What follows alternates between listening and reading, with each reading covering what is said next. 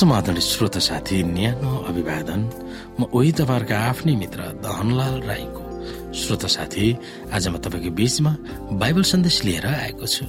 आजको बाइबल सन्देशको शीर्षक रहेको छ प्रेरणादायी प्रार्थनाहरू।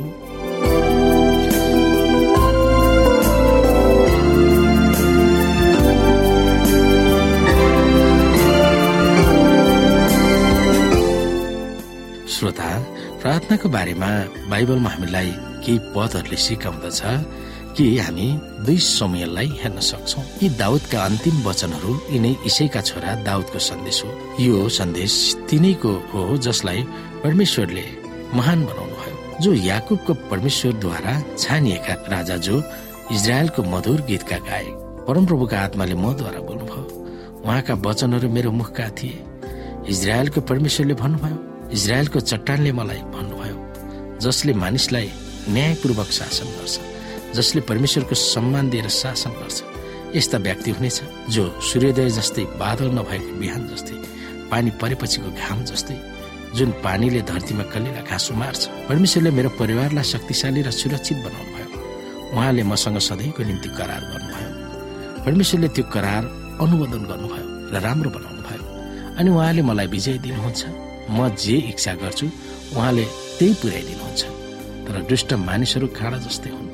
मानिसले काँडा समात्दैनन् बरु कतै फ्याँक्छन्। यदि कसैले त्यसलाई छोयो भने त्यसले भालाले जस्तै खोज्छ। त्यो भाला काठको होस् कि फलामको साँच्चै ती मानिसहरू काँडा जस्तै हुन्। तिनीहरूलाई आगोमा फ्याँकिन्छ र जलेर खरानी भन्छन्। आत्माले हामीलाई हाम्रो कमजोरीमा सहायता गर्नुहुन्छ। हामीले कसरी प्रार्थना गर्नुपर्ने हो हामी जान्दैनौँ। तर आत्माले गम्भीर भावले परमेश्वरसँग हाम्रो पक्षमा प्रार्थना गरिदिनुहुनेछ जुन शब्दहरूमा वर्णन गर्न सकिँदैन। परमेश्वरले हाम्रो हृदयमा के छ बुझ्न सक्नुहुन्छ? किनभने आत्मा मानिसहरूका लागि परमेश्वरसँग उहाँको इच्छाले बोल्नुहुन्छ। हामी जान्दैनौँ कि परमेश्वरले प्रत्येक कुरामा तिनीहरूको भलाइको लागि गर्नुहुन्छ। जसले उहाँलाई प्रेम गर्दछ ती मानिसहरू हुन् जसलाई परमेश्वरले बोलाउनु भयो। किनभने त्यो उहाँकै योजना थियो। यो संसार बनाउनुभन्दा अघिदेखि नै परमेश्वरले ती मानिसहरूलाई जान्नुहुन्थ्यो। अनि परमेश्वरले तिनीहरू आफ्नै पुत्र जस्तै हुन् भन्ने निर्णय गर्नुभयो। त्यसै कारण यसो धेरै दाजुभाइहरू र दिदीबहिनीहरूमा जेठो हुनुभयो।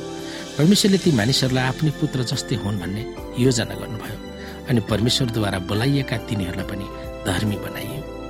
अनि परमेश्वरद्वारा धर्मी बनाएका तिनीहरूलाई उहाँले महिमा दिनुभयो। इजरायलीहरूलाई प्रार्थना र परमेश्वरको स्थिति प्रशंसा गर्न भजन सङ्ग्रहले प्रेरणा दिएको थियो।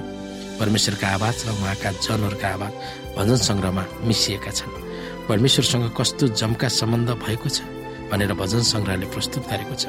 भजन सङ्ग्रहका लेखकहरूले परमेश्वरलाई यसरी सम्बोधन गर्दछ मेरा परमेश्वर ओ प्रभु स्वामी र मेरा राजा। भजन सङ्ग्रहका लेखकहरूले परमेश्वरलाई तिनीहरूको क्रन्दन सुनुन् भनेर यसरी सम्बोधन गर्दछन्।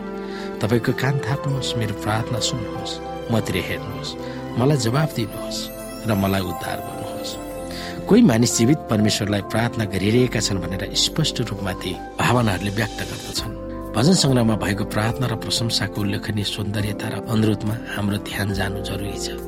ती भजनहरू परमेश्वरका वचन नै हुन्। उहाँले नै धर्मीहरूलाई धर्मात्मा र शुद्ध प्रार्थना र प्रशंसा गर्न तिनीहरूको हृदयमा राख्नुहुन्छ। तिनीहरूले गर्ने हृदयका चितकारहरू उहाँकै प्रेरणाद्वारा व्यक्त गरेका थिए।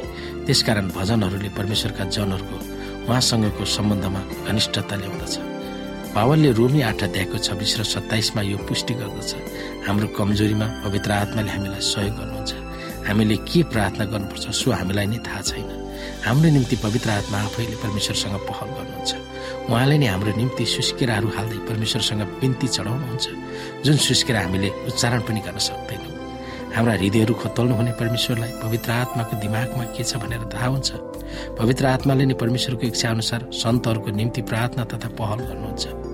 यसैले पनि भजन सङ्ग्रहबाट उद्धित गर्नुभएको थियो जस्तै लुका बिस अध्यायको बयालिसदेखि त्रिचालिसमा उहाँले भजन एक सौ दसको एकबाट सिधै उतार्नु भएको थियो।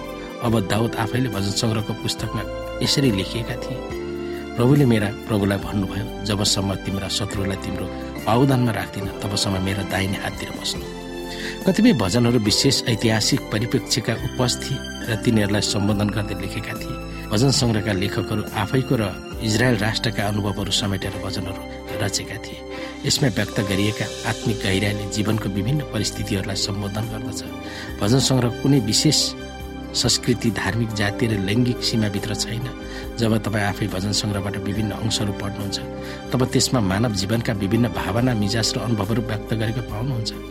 त्यहाँ तपाईँले आशा प्रशंसा त्रास रिस दिगदारी दुःख शोक आदिहरूलाई नलुकाइकन उजागर गरेको पाउनुहुन्छ मानिसहरू जुन युगमा भए तापनि जहाँ भए तापनि वा जुनसुकै परिस्थितिमा भए तापनि हामीले माथि कुरा गरिएका भावनाहरूको सामना गरि नै रहेका हुन्छन्।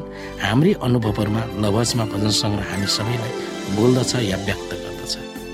अन्तिम श्रोता यसो आफैले भजन सङ्ग्रहलाई प्रयोग गर्नुहुँदा हाम्रै विश्वास तथा आस्थाको अनुभवमा तिनीहरूले कतिको महत्त्वपूर्ण भूमिका खेल्न सक्ने रहेछ भनेर हामीलाई बताउँदछ। यिनै कुरामा हामी विचार गर्न सक्दछौँ।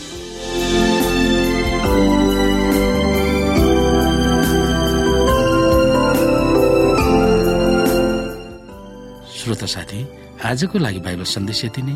हस्त नमस्ते। जय मसिंह।